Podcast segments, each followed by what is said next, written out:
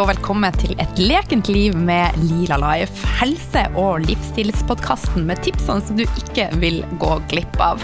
Nye tema hver uke. Jeg snakker om hormoner, jeg snakker om fordøyelse, jeg snakker om selvtillit, jeg snakker om sex. Jeg snakker om eterisk olje, egentlig alt mellom himmel og jord som kan være med og gjøre at livet blir mer balansert og lekent. Noen ganger er det meg, og noen ganger så har jeg med meg spennende gjester som har motivert meg på en eller annen måte. Og hvem er jeg? Jeg er Line. Jeg er næringsterapeut, yogalærer, jeg er veileder i bruk av eteriske olje. Jeg er mamma og jeg er kone. Jeg har en brennende interesse for en naturlig helse.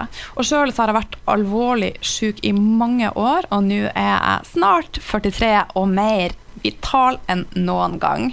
Og det er min drive. Jeg har lyst til å vise at det er mulig å gjøre en stor forskjell med små endringer. Brikke for brikke, steg etter steg. Det er rett og slett mulig å endre noe vanskelig til noe godt. Så det er min motivasjon. Jeg blir kjempe, kjempeglad om du deler eh, podkasten min med kjente og kjære, og jeg håper at du får masse læring og utbytte av eh, et lekent liv med Lila Life. Så legg gjerne igjen også eh, tilbakemelding på iTunes eller Spotify, og så tar jeg deres tilbakemeldinger med der. Og har du tema du vil jeg skal legge litt eh, ekstra energi på, og kanskje ta opp, så del. Så, men da er jeg klar og har fått satt på opptak. Vi se. Yes! Velkommen til episode 11. Og i dagens episode så skal vi snakke om avhengighet. Og eh, jeg hadde flere tema oppe til vurdering, rett og slett for at han Jens er jo et eh, leksikon. Så jeg var litt sånn, jeg har så lyst til å dele alt med dere. Men så kom påska. Eh, og høytider er vanskelig for mange, og også for meg. Og jeg kjente på gamle følelser som dukker opp. Jeg har tidligere vært eh, avhengig av mat, sukker, og tidvis hadde et usunt forhold til alkohol. Så jeg vet at det er veldig sterke krefter i sving, og det her var med og styrte livet mitt i 20 år. Og for noen så styrer det livet, altså hele livet. Så at eh, det ble ganske enkelt for meg å velge tema. Jeg sendte, egentlig så sendte jeg først en melding til han Jens og sa at du skal få velge tema, og så endra jeg kurs. Temaet blir avhengighet, Jens. og han Jens eh, han var min lærer på Tønsberg medisinske skole, og han har vært hovedlærer der i elleve år. Han har også praktisert, eh, som terapeut i 19 år. Han har sin utdannelse fra Institute for Optimum Nutrition i London. Han, altså Alltid når jeg skal ha Jens med, så har jeg masse sommerfugler i magen. Det har jeg i dag også. Eh, han har vært en stor motivator og en mentor, og det er han fortsatt for meg. Så hjertelig velkommen, Jens! takk, skal, takk, skal, du ha. Som, det blir jo så småsvett etter en sånn innledning som dette her, men vi får bare la det stå til. Bare rest på armhula, da. Men du, tilbake til temaet i dag. Også veldig mange sliter med avhengighet i dagens samfunn. Har du ei logisk forklaring på sånn som så, eksempelvis meg, da, som var styrt av mat i nesten 20 år? Ja, dette er ikke så veldig overraskende da, at uh, maten virker på kroppen. For uh, vi har Det er jo litt begrenset hva, hva denne kroppen tar imot av signaler og av eh, næringsstoffer.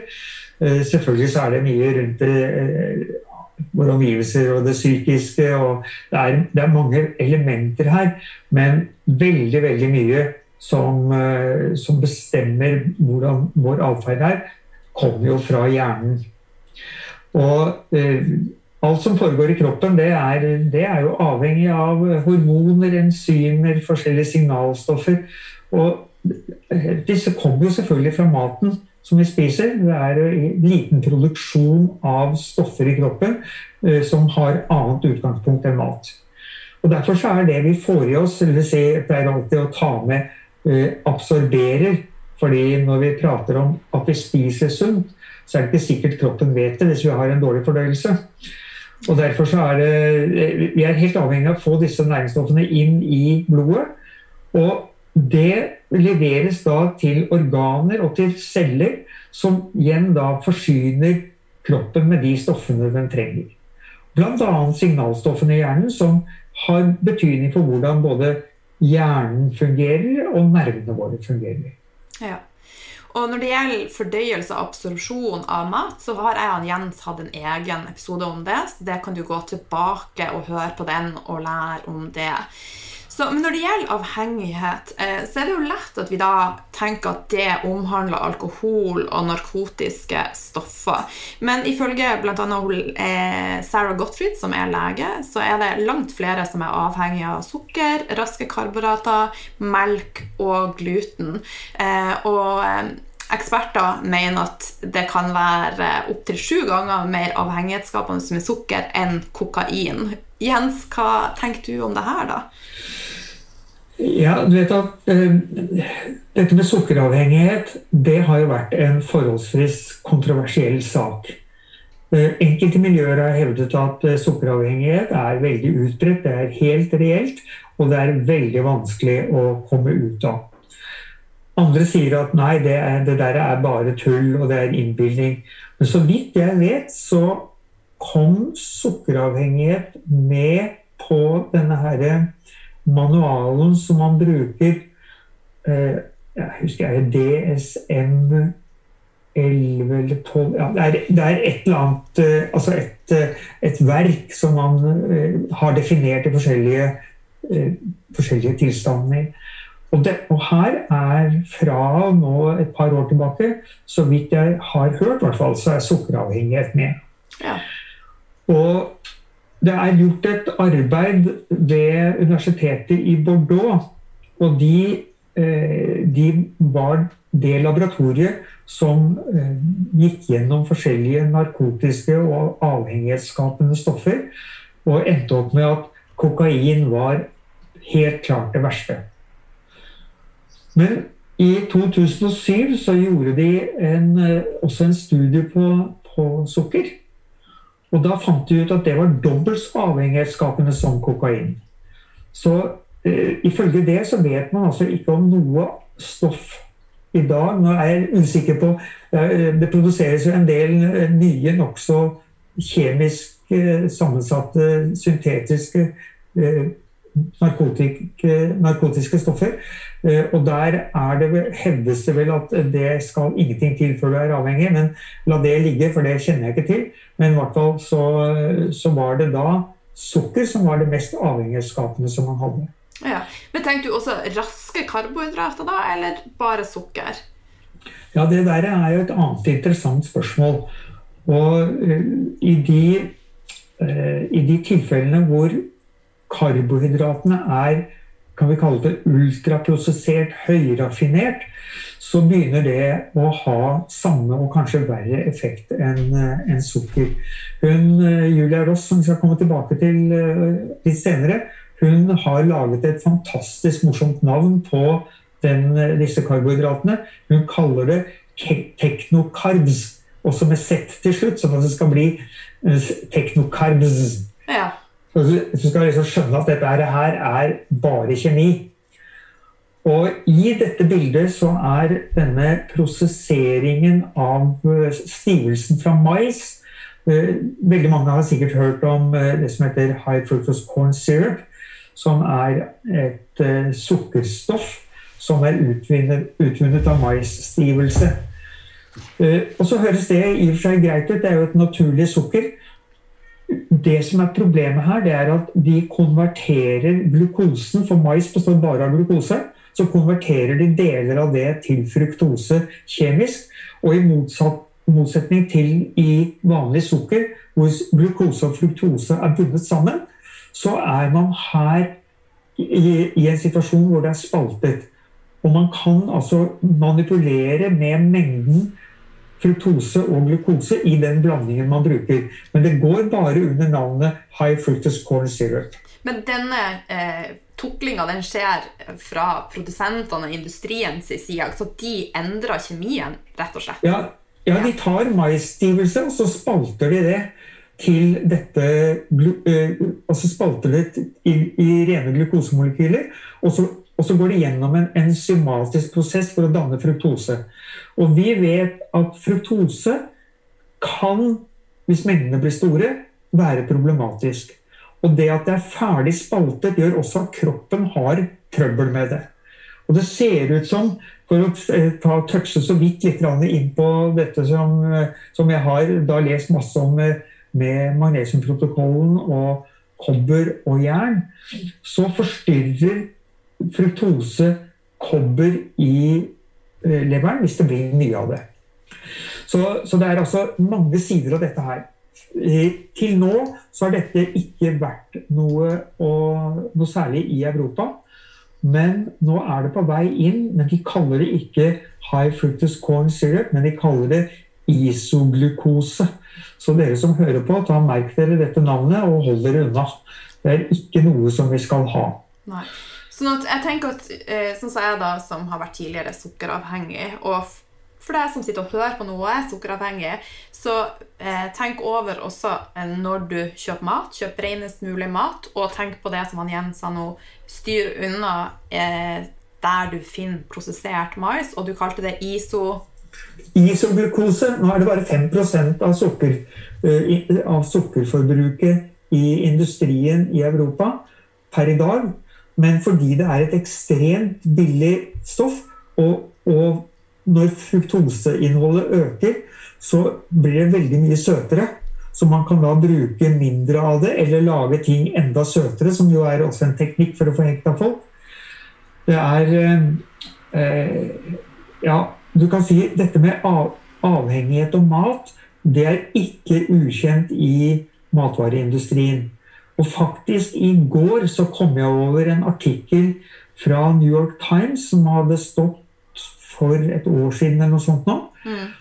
om hvordan eh, matvareindustrien søkte å finne det de kalte the bliss point. The bliss point, det er altså det punktet der maten gir maksimalt velbehag. Ja, de er... Og det er en, en kombinasjon av sukker, fett og salt og der er, eh, litt avhengig av hvilken matvare, så vil dette forholdet mellom de tre enhetene det vil variere litt. Men hele tiden så er det eh, tanken at det skal bli så godt og velgjørende i øyeblikket at folk ikke kan la være. Og da begynner vi vel å nærme oss det vi kan kalle, kan kalle en avhengighet. Ja. Det er rett og slett litt utspekulert. Men igjen, velger man naturlig og rent, som mat som ikke er tukla med, så unngår vi dette. Ja, og det er jo, du kan si, det, er jo det store budskapet fra oss på skolen. At uh, uansett hvordan man velger kostholdet sitt, velg mat du kjenner igjen. Altså Hvis ikke du aner hvor den der maten kommer fra, hvilke planter eller dyr, så skygg unna. Ja. Det er altså viktig å ha eh, si, full kontroll med hva man har gjort med maten, før man starter å eh, lage måltidene hjemme. Det er, det er, faktisk det beste rådet du kan gi folk. Hadde, hadde det norske folk gjort det mest altså Avvik tåler vi jo alle litt av. Og det er jo ikke noe fengsel vi skal leve i. Så, så det er jo ikke snakk om at du ikke kan røre noen ting. Selv så syns jeg en is er godt, en sjokolade er godt, og jeg liker en øl og et glass vin. Altså, det, det, må ikke bli fanatisk, men du må gjøre mest riktig. Det er liksom hele budskapet. Men så igjen eh, vil jeg tilbake til, da. For eh, hvis du er totalt avhengig av sukker, noe du ikke har vært, Jens, så må du kanskje være fanatisk i forhold til å faktisk holde deg unna sukker. For det er jo enormt sterke krefter, og vi har hørt om eh, mennesker som har forlatt familie, de har tatt opp enorme lån. Altså de har solgt alt rett og slett for å kunne spise sukker. Og da er det sterke krefter som er i sving. Ja, det, det, eh, som jeg nevnte for deg tidlig, før vi startet, så har vi hatt en del kontakt med Tone Glestad, som kanskje er Norges fremste ekspert på avhengighet av mat. Hun, dessverre så jobber hun ikke noe særlig med det for øyeblikket av forskjellige årsaker. Men, men, vi har jo hatt henne på skolen noen ganger, så jeg har hatt gleden av å høre hennes foredrag flere ganger. Eh, og, og det som er det typiske med avhengighet, det er når du begynner å tilpasse tilværelsen din for å oppfylle avhengigheten. Og faktisk så kan det godt være sånn at avhengighet betyr ikke at det er noe du fyller deg opp med hele tiden. Det betyr ikke at du går og spiser sjokolade hele dagen. Men det betyr at du har dine perioder, eller dine Eh, skal vi si, små eh, lommer i hverdagen hvor avhengigheten skal oppfylles. Hvor du da drukner deg i sjokoladebollen og spiser til du kaster opp. Og så kan du godt være uten i, i flere dager, fordi at du, du, har da den dag, Når den dagen eller de dagene i uken kommer, så rydder, rydder du alt annet vekk for å kunne oppfylle den avhengigheten. Så mat er sterke saker. Og vi vet det på annen avhengighet også. Folk blir jo avhengige av det utroligste ting. Det er jo ikke bare ting man putter i seg eller narkotiske stoffer, men det har også med atferd å gjøre. Det har med arbeid, arbeidsnarkomane, du har sexavhengige, du har folk som er spenningsavhengige. Kan du tenke deg disse som driver med basehopping? Eh, jeg kjenner, kjenner en sånn litt kiling i kroppen, og eh, i tankene så kunne jeg godt ha gjort det. Men jeg tror aldri jeg kunne gjort det i virkeligheten. Men for dem Jeg vet ikke eh, Karina Hollekim heter hun vel. Mm. Hun eh, basehopperen som knuste alt i beina, mm. og som aldri skulle gå igjen. Eh, og selvfølgelig er hun oppe og går. Hun fortalte i et intervju jeg lurer på om det var i A-magasinet i Aftenposten, hvor det var en stor artikkel om henne, at hun måtte hele tiden ha større og større utfordringer for å få oppfylt sin spenningsavhengighet. Men en, når vi snakker om disse typer avhengigheter, tenker du at det er samme ubalansen som ligger til grunn? At det er en ubalanse i det vi skal pense over til etter hvert, som er da eh, aminosyre, f.eks.? Ja. Ja. ja. jeg tror det. For dette, avhengigheten styres av disse eh, nevrotransmitterne eller signalstoffene i hjernen. Det er de som skaper ubalansen og mellom disse stoffene som vi nå skal snakke om etterpå. Ja, Det er jo så, så spennende. Ja, det, det, ja, det er kjempespennende. Og det er også det som jo eh, kanskje er spesielt interessant for oss som driver og skal prøve å hjelpe folk, det er jo at hvis disse avhengighetene har noen av de samme underliggende årsaker, så, og vi finner ut tiltak som kan være til hjelp, så kan vi kanskje hjelpe folk som er helt utenfor uh, dette hjelpeapparatet. Fordi det Er klart, er du spenningssøkende, så er det jo ingen som tenker at du må søke hjelp for det. Uh, jeg vet at arbeidsnarkomane de, de pleier vanligvis å kollapse til slutt, sånn at det løser seg selv. Eh, sexavhengige, de, de, får jo hjelp av spesialister innen det området. Så det er altså eh, Noen får hjelp, men det er nok også en mye avhengighet som er under radaren. Ja. Men det er mange som craver sukker. Men så har vi andre ting òg som eh, mange bare må ha. Og en av tingene er brød, og en annen ting er melk. Og i brød, eh, i de fleste brød, så har vi gluten, og der har vi noe som heter gluteomorphins. Og i melkeprodukter eh, caseomorphins. Kan ikke du fortelle litt om dette, og eventuelt hva de kan kludre til? ja, det, dette her er jo i kjølvannet av arbeidene til Karl Ludvig Reichelt, eh, som var lege på Rikshospitalet.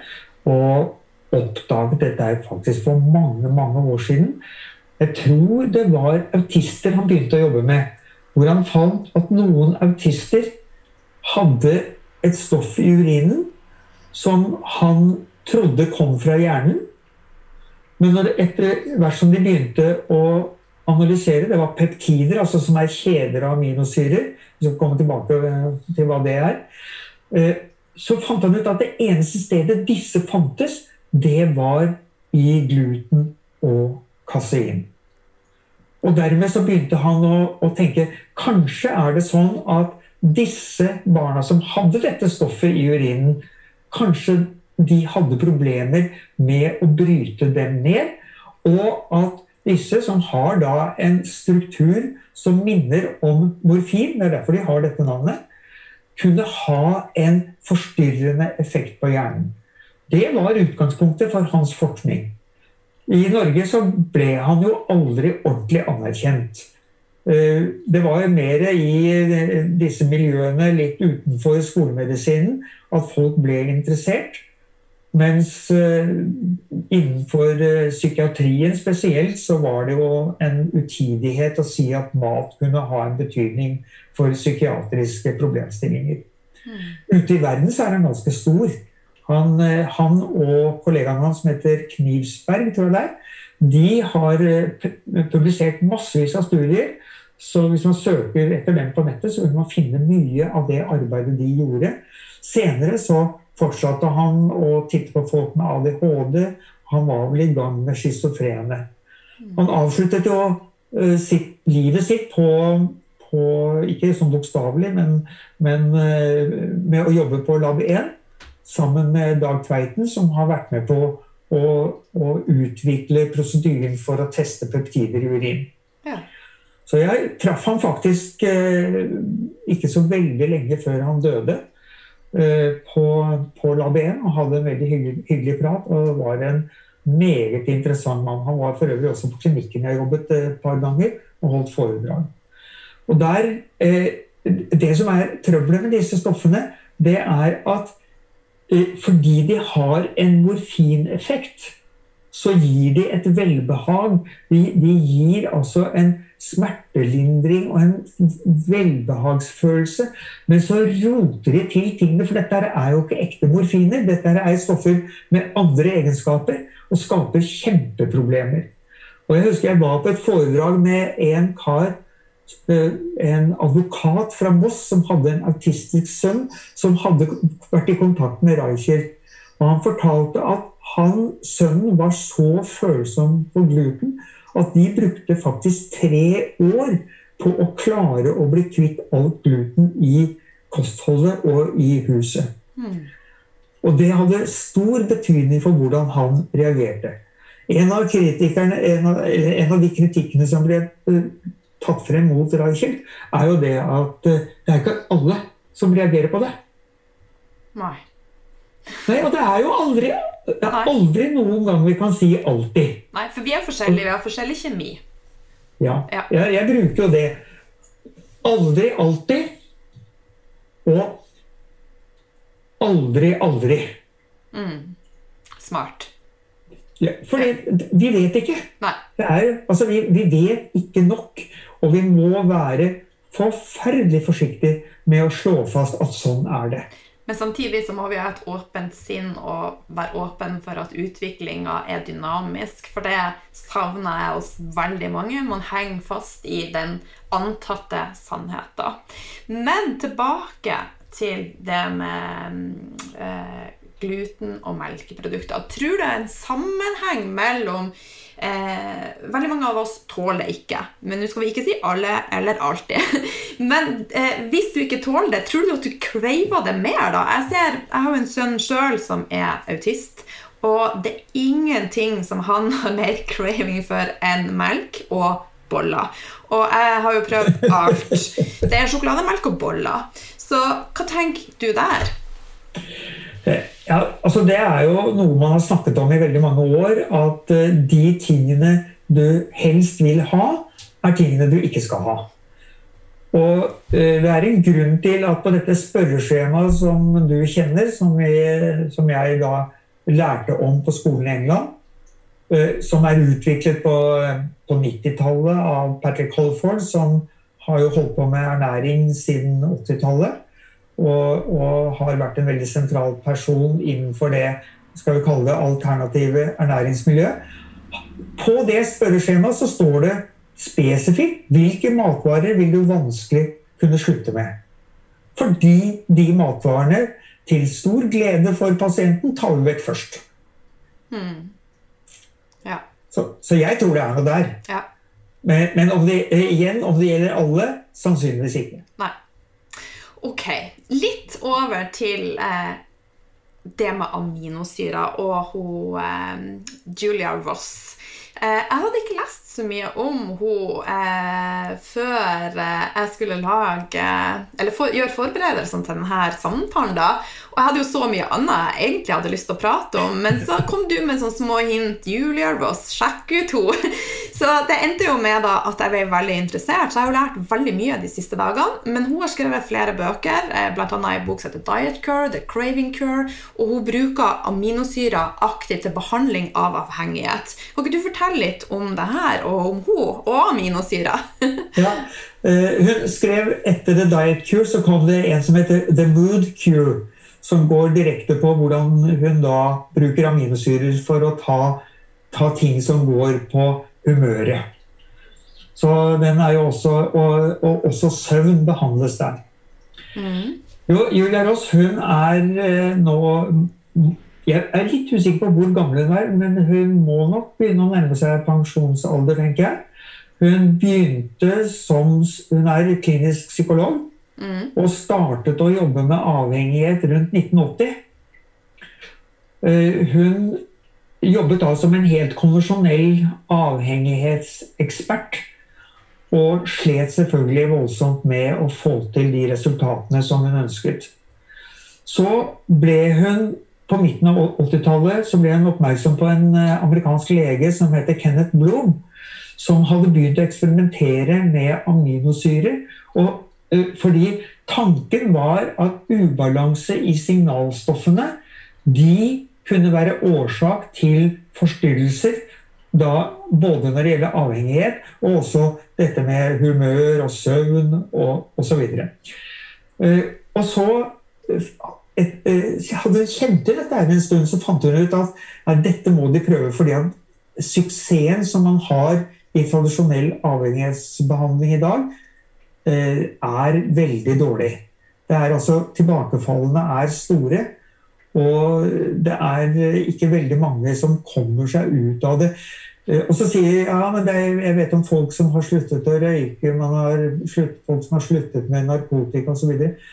Men veldig ofte så har avhengigheten tatt en annen vei.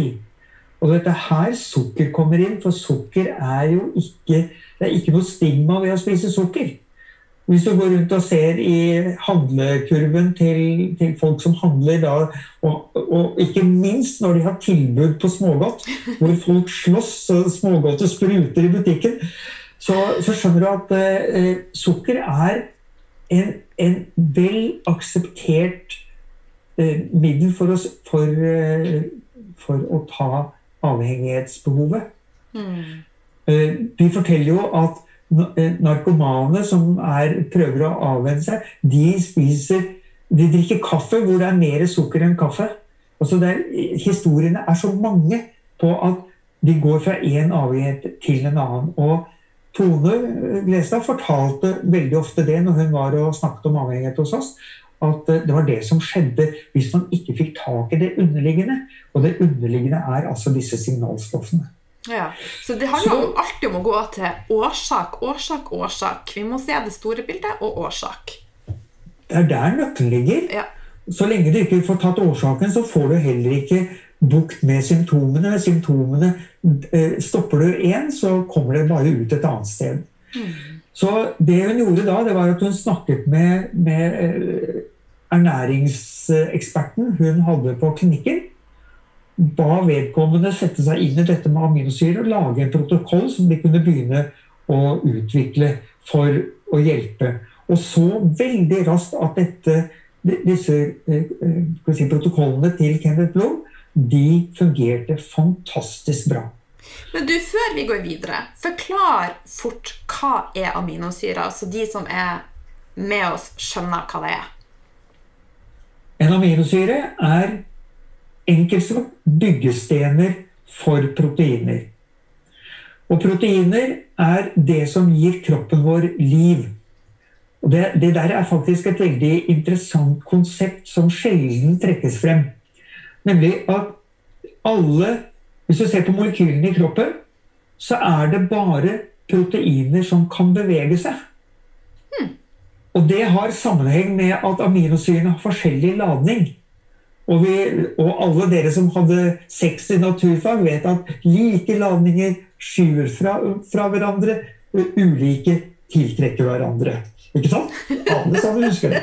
Så hvis du har en aminosyre, så vil den få en viss form pga. Av disse ladningene i aminosyrene. For eksempel, det kan godt være flere hundre aminosyrer, og de vil da krølle seg sammen på et spesielt vis, avhengig av disse ladningene. Så kommer det et signal, som kan være et mineral, det kan være et, eh, et karbohydrat, det kan være et eller annet. Så kommer det et signal. Dette signalet det har en ladning. Et mineral f.eks. har en ladning. Så treffer det dette proteinet, eller går inn i en reseptor, da endres spenningsforholdet, og så beveger den seg. Dette er kjernen i alt som beveger seg i en kropp. Spennende. ja, det er fascinerende. fordi at dette er, dette, dette er det ingen som snakker om. Nei. Så begynner man å prate om at ja, det er ikke så farlig om du får nok proteiner. Ikke, du klarer deg godt uten. Men det gjør ikke det. Nei. Du klarer deg ikke uten nok proteiner. For at noen av de, altså Vi har jo rundt 20 aminosyrer, men ni av de er essensielle. Ja, det er ca. 20 i kroppen. Det er en del flere som kroppen lager, så vi har vel 4-25 i kroppen, tror jeg. Eh, et av dem som man av og til hører om, som heter homocystein, som stiger hvis du mangler B-vitaminer, og som er veldig lurt å måle hos legen. Eh, det er en av dem som ikke fins i maten, men som fins i kroppen. Og det er noen andre. Men det er ca. 20 i maten, hvorav ni av dem er essensielle. Og dette med essensiell det er også et begrep som veldig mange mennesker ikke helt skjønner. Essensiell betyr noe kroppen ikke kan lage selv uansett hva den har tilgjengelig av råvarer. Eh, det de aller fleste har hørt om, er essensielle fettsyrer. Omega-3 og omega-6. Og så prater man om at fiskeoljene er essensielle. Nei, de er høyere oppe i systemet, så det er ikke, de er ikke essensielle. Men det ligger en fettsyre i bunn. En omega-3-fettsyre i bunn. Den er den essensielle. De andre lages hvis nødvendige kofaktorer er, på, er til stede. Mm. Så essensielle aminosyrer må vi få fra maten. Og her kommer noen av de utfordringene som man ser at enkelte veganer som ikke er nøye nok med kosten, kan slite litt med. Men så er det jo også, eh, sånn som Jeg har jo nå de siste årene tatt ei aminosyre som heter tryptofan. Eh, og hvis vi er vel under stress, så er jo også opptaket dårligere. Så det er jo flere faktorer igjen. Det med stress er superviktig. Vi kommer hele tida tilbake til det. Eh, ja, er du ikke enig i det? jo, det er definitivt. Og vi skulle kanskje ha tatt en prat en, en dag om stress og kun stress, hva det gjør i kroppen. Mm. Fordi at Du er hjertelig velkommen. Ja, jeg syns bare dette er hyggelig å sitte sånn og skravle litt. Det er bare koselig. Det jeg. Eh, det er, eh, vi kan si det så enkelt faktisk at stress er årsaken til all sykdom. Det har jeg faktisk sagt og undervist i 15 år. Ja. Og jeg blir sikrere og sikrere på at svaret ligger der. Mm. Og nå etter hvert så vet jeg mer og mer hva som skjer i kroppen under stress, og hvorfor vi blir syke. Fordi det er ren biokjemi som gjør at vi ikke fungerer som vi skal. Mm. Og da tar vi opp maten dårligere, og vi får et dårligere opptak av aminosyre. Og det påvirker signalstoffene som vi kan hoppe over til å prate om nå. ja. ja. Det, det, som er så veldig morsomt med det opplegget til Julie Ross, det er at hun har gjort det så veldig enkelt. Dette er faktisk noe som eh, Er man litt kreativ og er villig til å prøve seg litt frem, så klarer man å gjøre dette selv. Det er nok lurt å ha en terapeut med på laget, fordi det er greit å få litt veiledning, ha en å spørre, og også få litt uh, oppbakking underveis. Det er jo ofte lett å hive seg på og lett å falle av. Uh, nei, så hun har delt opp de uh, avhengige i fem kategorier. Nå heter det jo 'cravings' på denne her, eh, i boken hennes. og vi, eh, jeg har tenkt og tenkt og tenkt hva i all verden skal vi kalle craving? Fordi det er mer enn avhengighet. Det er et sug. Det er en kombinasjon av et, en avhengighet og et ukontrollerbart sug. Ja. Men vi har ikke noe enkelt ord på det. Nei, Men sug er jo et jeg synes det er et ganske dekkende ord. da. Den følelsen på ettermiddagen du bare går og snoker i skap og skuffer. Du bare må ha noe. Du har jo et sug etter noe. Ja. Stå opp om natten og gå på nærmeste bensinstasjon og kjøpe sjokolade for å trykke det i seg. Har Men Jens, eh, Jens, jeg har vært der. Eh, jeg har så mange ganger vekt mannen min Kan vi kjøre på butikken? Kan vi kjøre på kiosken? Eh, det styrte livet mitt. Altså, jeg overdriver ikke, men sukker styrte livet mitt totalt. Sånn at jeg kjøpte sukker hvor som helst og når som helst. Det har ikke jeg fortalt til noen før, men nå fortalte jeg det. jo, men det der er jo avhengigheten i et nøtteskall. Ja. Uh, og, og, da har hun som sagt, hun har delt opp i, i fem forskjellige typer. Og disse, disse fem typene, det er den eh, Det er også oversatt Jeg, jeg holdt en, en, forelesning på skolen om dette her eh, tidligere i år. Eh, og da gikk det litt eh, i hurten og sturten. Men la, la, oss bare ta det så godt eh, jeg klarte da jeg oversatte. Du har den deprimerte, den ustabile, den trøstsøkende, den stressede og den utslitte. Det er de fem. Og for hver av disse fem så er det en, et signalstoff som er, det er mangel på. Og for den første, den, eh, eh, den deprimerte, så er det serotonin. Serotonin er et, et, signalstoff som veldig mange har hørt om. og Veldig ofte så har man da kanskje hørt om folk som går på lykkepillen for å få opp serotoninnivået. Eh, noe som ikke er annet, i hvert fall i min verden, enn en nødløsning i en kort periode eh, mens man rydder opp i livet sitt litt. Landet. så serotonin er en, en naturlig antidepressiva som gir deg en følelse av optimisme med selvsikkerhet, humør, og du får god søvnkvalitet. Et, har du bra med serotonin, så spiser du et måltid, og så er du godt forsynt og tilfreds etterpå. Og du er, har ikke noe behov for noe spesielt etter å ha spist. Typisk for en som er her og er i ubalanse, er at de blir aldri ordentlig fornøyd før de får sukkerkicket sitt. Mm. Altså Selv om du spiser et godt måltid med alt det du trenger, så er du ikke ordentlig fornøyd. Mm. Den neste er, eh, er den som, som, da er eh, den ustabile. Det er en som har trøbbel med glukose.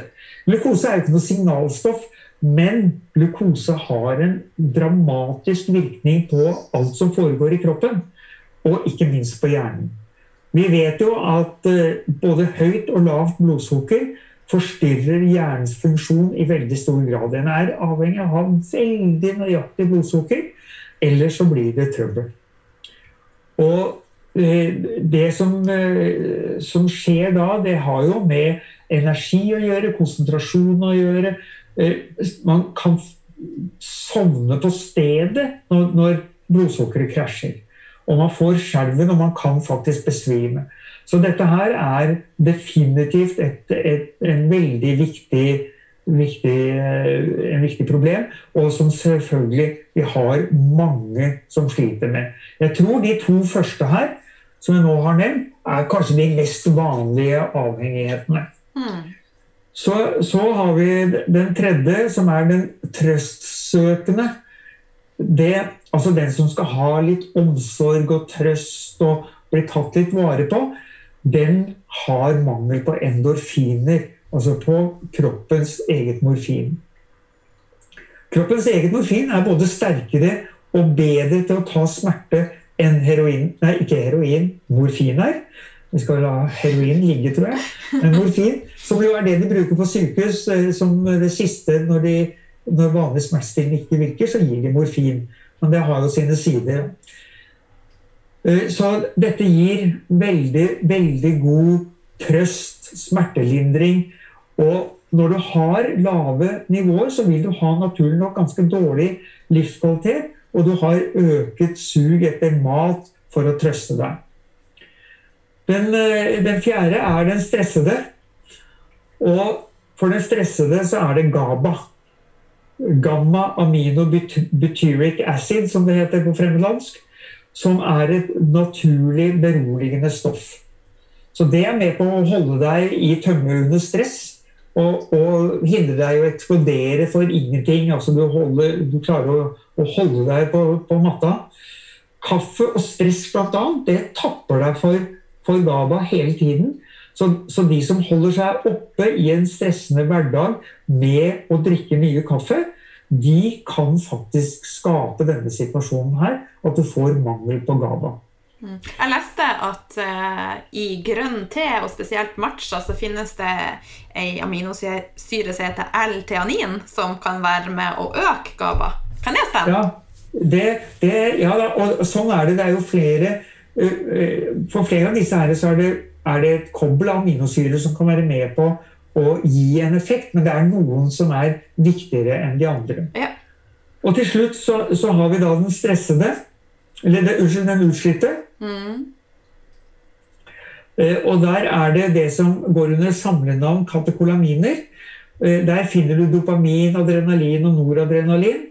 Det er altså, Vi kjenner dem jo ofte som binyrehormonene våre, stresshormoner. Og dette her er ting som når det er i riktig balanse, gir deg energi, du, du, får bedre konsentrasjon, og du er ikke avhengig av kaffe og stimulanser underveis. Dopamin er jo det som gir deg driven.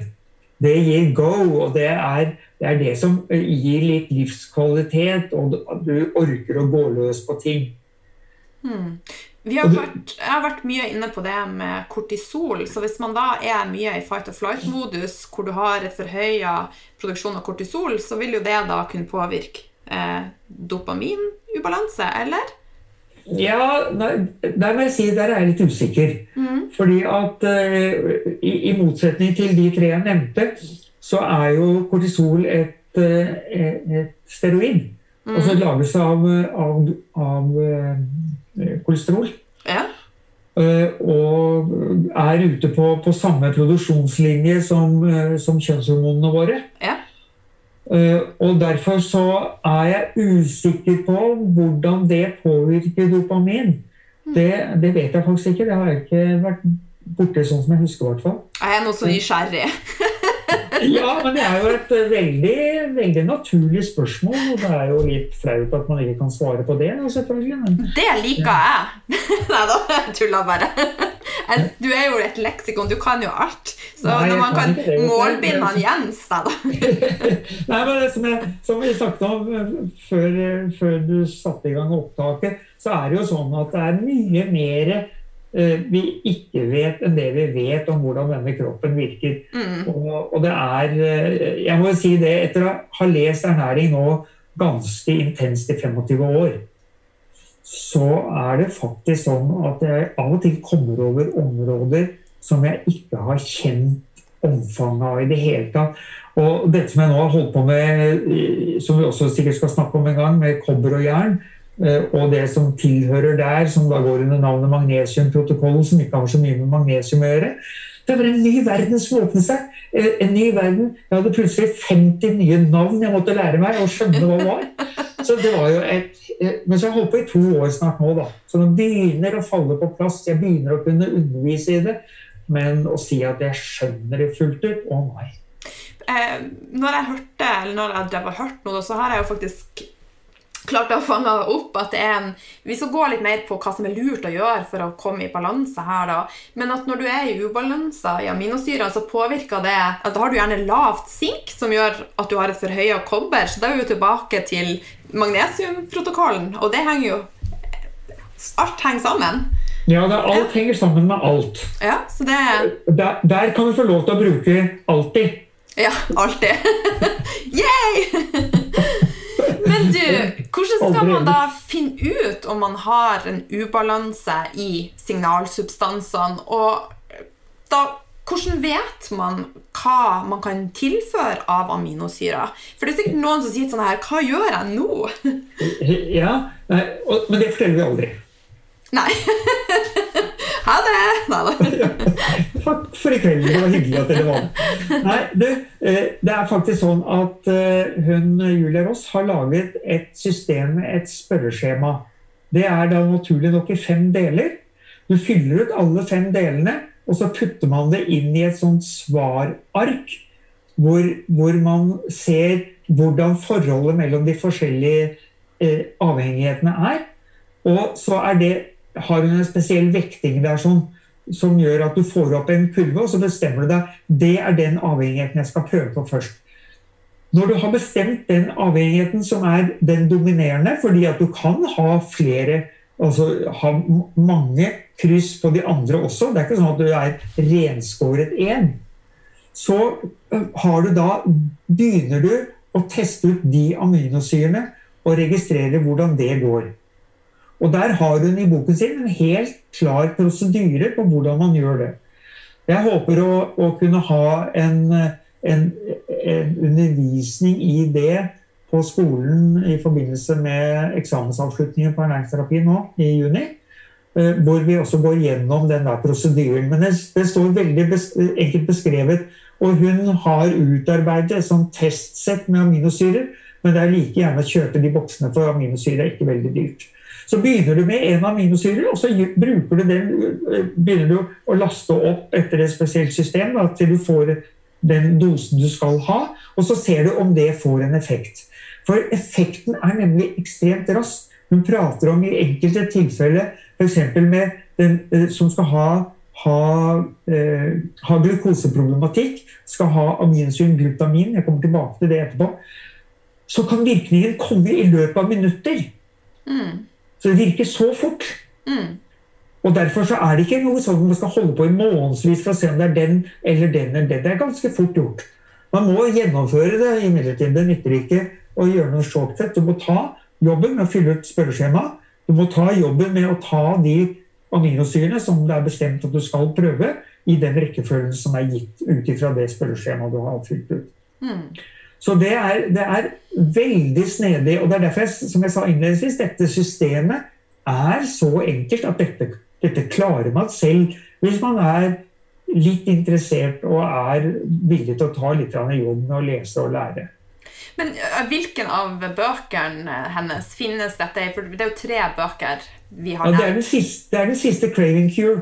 Craving Cure. Ja. ja. Så da skal jeg dele den informasjonen for uh, de som uh, hører på podkasten og føler oss nå. Craving Cure. Ja. ja. Uh, jeg anbefaler nå stadig vekk folk å kjøpe e-bøker. Og laste dem ned på Kindle eller e, e-bokleser av et eller annet slag. Det som er så fantastisk med en e-bok, det er at særlig hvis du kjøper engelske bøker, det er at du kan dobbeltklikke på, på ordet å få opp dictionary, Wikipedia og ordbokoversettelse. Den må man ta med en klype salt. Den er litt variabel på vanskelige ord. Men de to første er kjempefine. Og dermed så kan man få en forklaring på hva ordet betyr, istedenfor å gjette. Vi er jo gode til å gjette, særlig til å gjette feil. Ok, men eh, Skal vi gå inn noe på aminosyrene på hva vi anbefaler, eller vi det for detaljert i dag? Ja, jeg syns vi skal det for alle de som nå er, ja. er så flinke at de har fulgt med så lenge. Ja.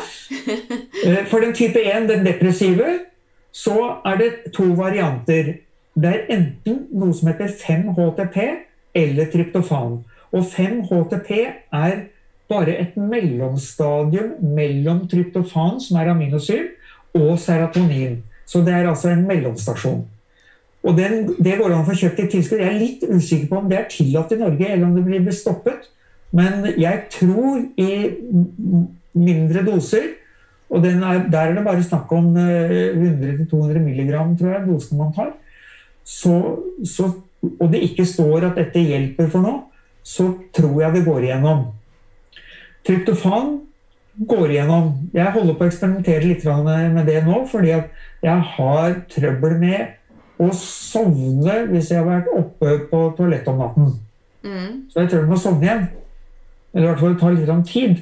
Når jeg legger meg om kvelden, så er jeg død på fem minutter. Det fungerer veldig fint. Men eh, den der turen på do, på do, om natta, den er litt verre. Skal få litt eteriske oljer hos meg. Men der må jeg også få lov å tipse om eh, den, det tryptofantilskuddet som jeg tar, som jeg ikke er sponsa av, eller som jeg ikke tjener kroner på, men som Arnold Berstad har vært med å utvikle, som heter TRP. Det er fantastisk, og det tar jeg på ettermiddagen og kveld.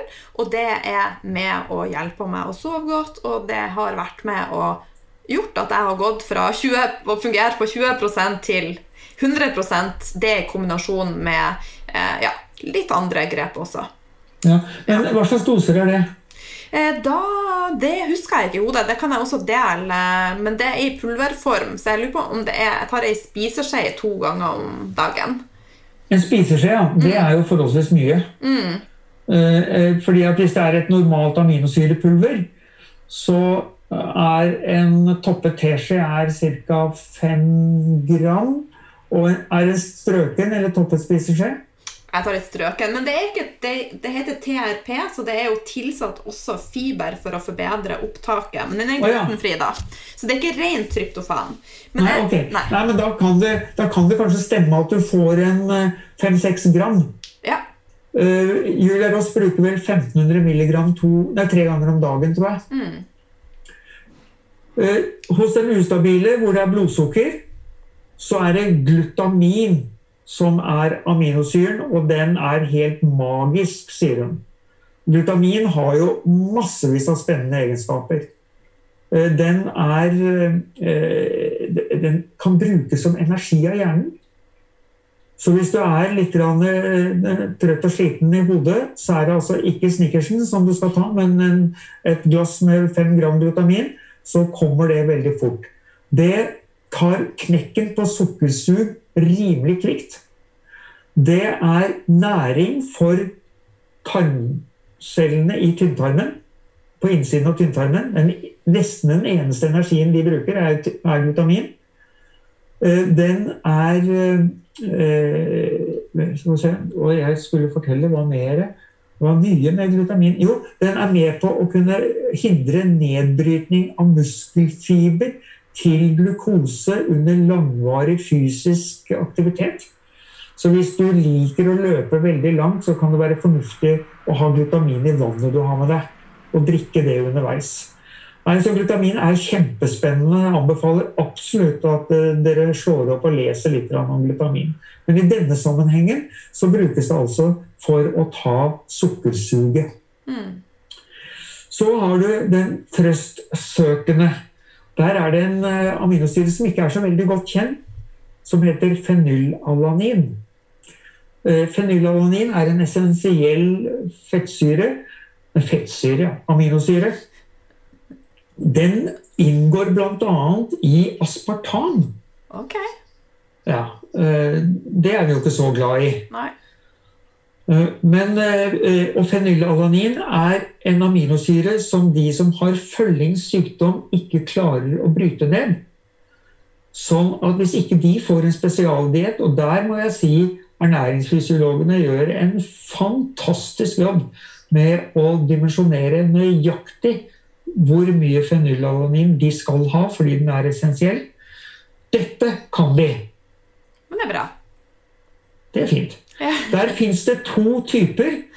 Det fins en som heter D-fenylalanin, og en som heter L-fenylalanin. Dette er bare med kjemisk form. De har litt forskjellig virkning. I denne sammenhengen så brukes gjerne D-formen.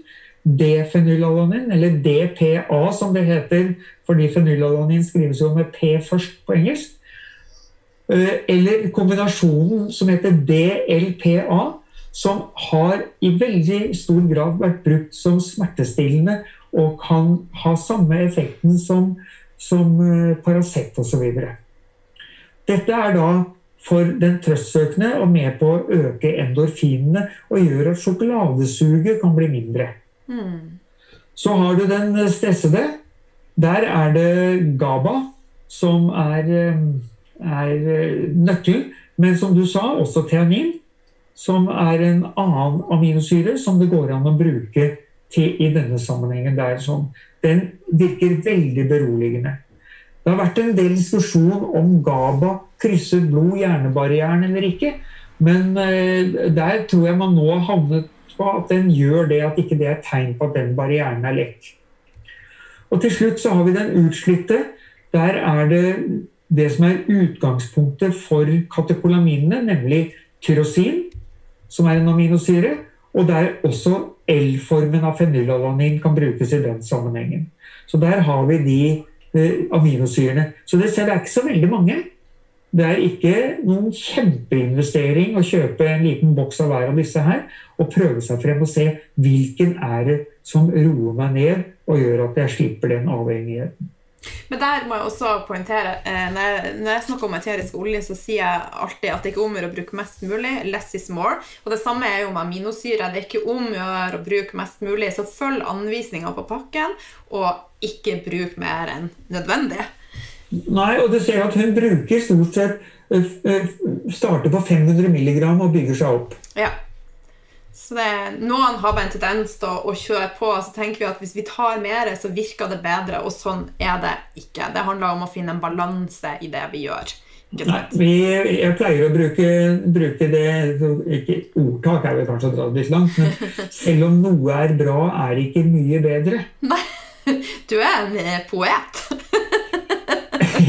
det har jeg aldri blitt beskyldt for. Ok, men det her er jo eh, Igjen bruker jeg ordet spennende. Eh, men det viktigste for å legge til rette for at vi da skal kunne klare å ta opp disse aminosyrene, er jo også at vi gir kroppen de vitaminene og mineralene kroppen trenger. Ja, og Det er Julia Ross veldig tydelig på. Ja. At Det nytter ikke å spise dritt og tro at dette hjelper. Nei. Det er, det er rett og slett Du må spise ordentlig. Og eh, som vi nå gjentar til det kjedsommelige på skolen, det må være blodsukkerstabilt, basert på ferske råvarer så langt som mulig. Det betyr ikke at eh, du ikke kan spise en brødskive eller spise et eller annet annet som du måtte ha lyst på, men du må bare ha det under kontroll. Og F.eks. dette med blodsukkerbalanse eller blodsukkerkontroll varierer enormt. Er du på nippet til diabetes 2, så i min verden så er et forholdsvis ekstremt lavkarbokosthold eneste veien ut av det. Har du bedre blodsukkerkontroll, så bør vi ikke gå så langt ned i karbohydrater. Men jeg tror jo disse 350 som eh, myndighetene anbefaler, er mye for veldig, veldig mange. Mm. Noen kan jo fikse det hvis de er ekstremt nøye med hva de velger av mat. Men for de aller aller fleste så er nok det å kutte noe ned på det og sørge for at man får litt kraftigere kost, absolutt å foretrekke. Så oppsummert, eh, rene råvarer, bort med lavkalori, bort med telling av kalorier. Vi trenger fett, vi trenger kvalitetsproteiner, og da som er ja, som er med og gir oss de aminosyrene vi trenger. Eh, og ikke minst blodsukkervennlig mat. Men vi må jo også passe på å få nok grønnsaker som er fiberrik. Men da som vi prata om også i forrige gang vi møttes, at det er lurt å bearbeide grønnsakene for at rå grønnsaker ofte kan være vanskelig å fordøye. Ja. ja. Noe rått, noe kokt. Alltid med fett. Ja. Men det andre ting eh, Når jeg og du møtes, så syns jeg tida bare eh, O spring. Nå har vi prata en time. Ja.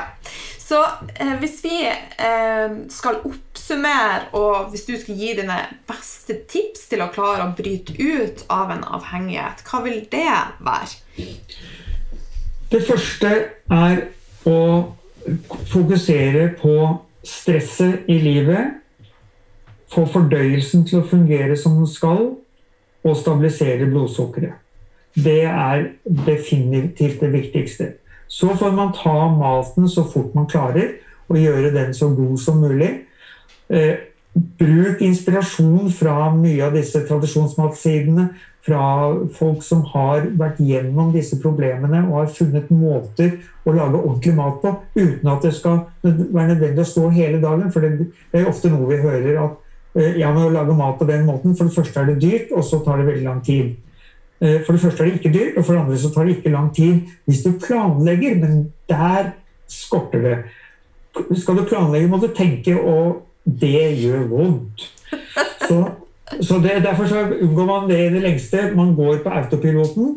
Eh, to brødskiver, en med, med geitost, ett med leverpostei. Det går ned på høykant og et glass melk. Så er vi ferdig med frokosten. Ikke tenk en eneste tanke rundt det. Hvis, eh, hvis du skal begynne å, å, faktisk planlegge og ha mat tilgjengelig som, som er rask å spise Langtidskoking, langtidssteking, bruker jeg masse. Putter inn f.eks. en kylling med samme jeg står opp om morgenen grytidlig. Står der hele dagen og er ferdig akkurat når jeg trenger den. Dvs. Si når jeg føler for å spise. Mm. Og så tenker jeg at eh, Veldig mange kompli eh, kompliserer det med frokost. Jeg spiser samme frokosten hver dag. For at det jeg har erfart, at det med gode vaner og rutiner om morgenen setter standarden for resten av dagen. Så jeg har min faste frokost, jeg har mine faste ting, og da går bare ting. Dung, dung, dung.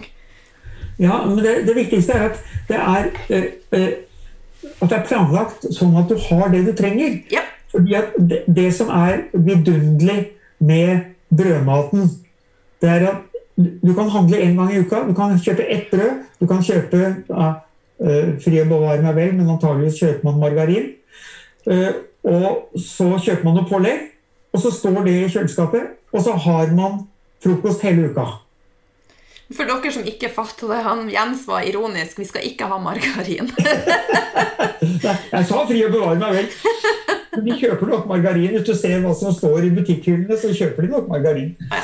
Altså planlegging og innarbeide gode, nye vaner. Og det tar ei tid for å faktisk bryte et mønster og få innarbeid og endre emosjonelle og fysiske vaner. Ikke sant? Ja, du må ville, mm. og så må du ta jobben. Ja det, det, jeg pleier jo ofte å fleipe med, med nyttårsforsetter. Fordi at det er mange som prøver seg på. Men jeg kaller det nyttårsfortsetter, for det fortsetter som det gamle. ja. Og jeg er veldig fan av å ta én dag av gangen. Og eh, at hver eneste dag er en ny start. Og ikke tenk skippertak og av og på, men at vi er i en flyt og prøver å finne balansen i det vi gjør. Men har du noen alternativer til å ta én dag om gangen? Nei, det er et veldig godt poeng. Vi er veldig der at vi lever i fortida, og vi lever i fremtida, og så tenker vi at om 14 dager da skal jeg begynne, for da er det nyttår. Det var litt den mentaliteten som jeg skulle bort ifra. Ja, det, eneste, det eneste du har garanti for, er øyeblikket. Mm. Ja. Og nå var det godt allerede, ikke sant? Ja. Det var godt. Så, det er, det så fort går det. Ja. Så, så, så, derfor så er det, det er om å gjøre at eh, vi tar vare på oss selv, på det livet vi nå har fått utlevert, og gjør det vi gjør det beste ut av det.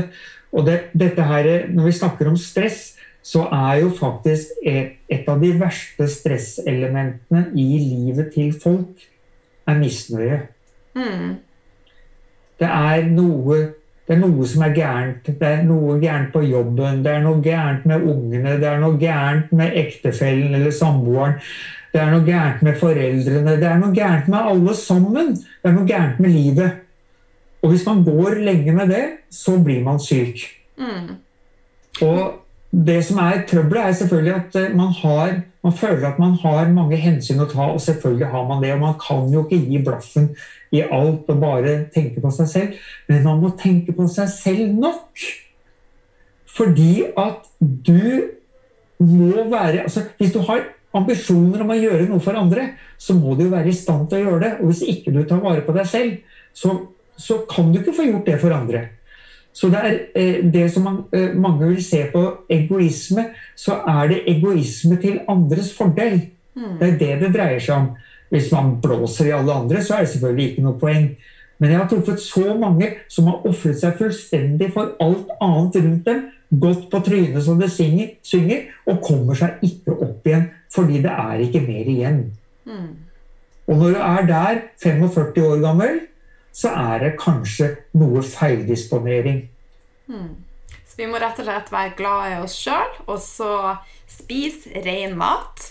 Og så hvis Jeg tenker også at det her misnøyen kan jo være eh, ubalanser i aminosyre. Det kan være andre ubalanser. Og da er det man må begynne å ta tak. Og i tillegg så vet jeg at både jeg og du, Jens, vi skriver dagbok og øver på det med å være takknemlig.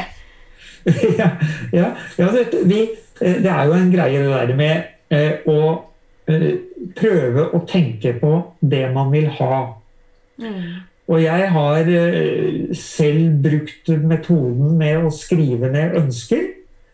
Eh, jeg hadde en periode da jeg var på nippet til å gå tilbake til mitt gamle liv og ikke fikk til å skape et levebrød av ernæringen. Eh, og da kom jeg over noen som sa det at det du bør gjøre, starte det hver dag med, det er å skrive ned de 15 viktigste ønskene dine uten en eneste hemning. Altså Du må ikke ha noen hemninger overhodet når du skriver ned ønskene. Også i er-form. Har, er. Og det gjorde jeg faktisk hver morgen i et år. Og det året snudde det. Da begynte jeg å treffe folk som ville meg vel, som ønsket at jeg også skulle kunne skape et levebrød, ikke bare ville ha kunnskapen jeg hadde. Eh, og nesten alt det jeg hadde på den listen den gangen, har skjedd. Så bra. Og jeg har to andre eksempler med, med, studenter som faktisk For jeg forteller jo alltid studentene om dette her. Som har brukt det og kommet tilbake til meg og fortalt hva som har skjedd dem. Mm. Ganske fascinerende. Ja, det, det, du, du, kan gå ganske langt tilbake i tid og så se på at uh, man har snakket om at du får det du tenker mest på. Fordi at det du tenker mest på, gir signaler til det underbevisste som styrer 95% av tilværelsen din. Mm. Det er bare 5% av tilværelsen vi har kontroll over. Og hver gang det skjer et eller annet som vi må konsentrere oss om, så går resten av livet på autopiloten. Mm. Og autopiloten den går i retning av der vi alltid har vært. Det er derfor vi havner tilbake der vi alltid har vært når vi prøver å forandre noe. Fordi vi klarer ikke å holde fokus. Vi klarer ikke å gjøre det viktig nok. Det er den dagen vi har kniven på strupen, kanskje ikke bokstavelig talt, men sier at vi har ikke noe valg. Da gjør vi det. Mm. Så dette her er kjempeviktig. Dette her kunne vi snakket om en hel uke. Ja. Jeg har bare så mye jeg har lyst til å snakke om. Men eh, jeg tror faktisk vi skal eh, la det bli med det. Og eh, kanskje oppfordre de som hører på, å begynne å skrive ei takknemlighetsdagbok, og også skrive hva du ønsker. Og hvis du kjenner deg igjen i det vi har prata om i dag, eh, at du er avhengig av noe Men det kan også være at eh, eh disse ubalansene kan også føre til angst og depresjoner. Det har vi ikke prata så mye om i dag. Eh, men det jeg tenkte at i neste episode så skal jeg oppsummere litt mer praktisk. Eh, og jeg ser at det alltid er eh, rom for å gå litt ja, på praktiske tips. Altså, vi har jo prata om mye, men vi får ikke prata om alt. men i forhold til at du begynte å skrive eh, den type dagbok du gjorde, det er vi veldig takknemlige takknemlige for, for det gjør at vi kan lære av det sånn som vi gjør i dag. Og det er helt fantastisk. ja, det er hyggelig. Jeg syns jo eh, den, eh, Det å få lov til å være lærer er den største gave jeg har fått. Ja. Det er så fantastisk hyggelig. Og det er så morsomt, og jeg koser meg til de grader når jeg holder på med undervisning. Så jeg syns eh, det er fenomenalt å få lov til det. Men du Jens, hvis folk eh, vil komme i kontakt med deg, hvor kan de eh, finne deg? Ja, da, tenker jeg ikke, da tenker jeg ikke telefonnummeret for å be deg ut på date, altså. Nei, jeg, jeg, jeg har gått ut litt på date. Det er du ikke. Men eh, nei, du kan si at uh, jens at tunmed.no eller jens at nutriterapi.no det er jo e-postadressene mine, og folk er jo velkommen til å ta kontakt. Eller så finner de meg jo på nettet. Er, jeg er på skolen finner man vel kontaktinformasjon, og på Jeg har en hjemmeside som er for, for å slite aktiv, for å si det forsiktig. Ja. Men uh, der står i hvert fall hvor det går an å få tak i meg. Men du jobb, er Jobber du fortsatt som ernæringsterapeut, eller er du faglærer? Lite grann. Jeg har, det, kommer av og til folk som spør om å komme, og da tar jeg dem imot hjemme. fordi at jeg, jeg har så få at jeg kan ikke ha noe kontor stående. Men jeg har et rom hjemme som eh, egner seg til det. Så det slenger noen innom. Jeg, jeg syns det er ålreit, fordi at eh, er, når du underviser, så har du etter hvert fått et teoretisk grunnlag for å, for å eh, hjelpe alle. Eh, Når, som jeg sier, når disse innmari pasientene kommer, så får du en midt i trynet. Og så ser du at du kan ikke hjelpe alle. Og det er veldig nyttig, så du beholder litt ydmykhet og skjønner at verden er så mye større enn det vi skjønner. Ja. Men Jens, tusen takk for at du var med. Og eh, nå avslutter jeg podkastepisoden, og jeg oppsummerer eh, det vi har prata om skriftlig. Og så kommer det i episode 12 litt mer praktisk informasjon. Så tusen takk for i dag.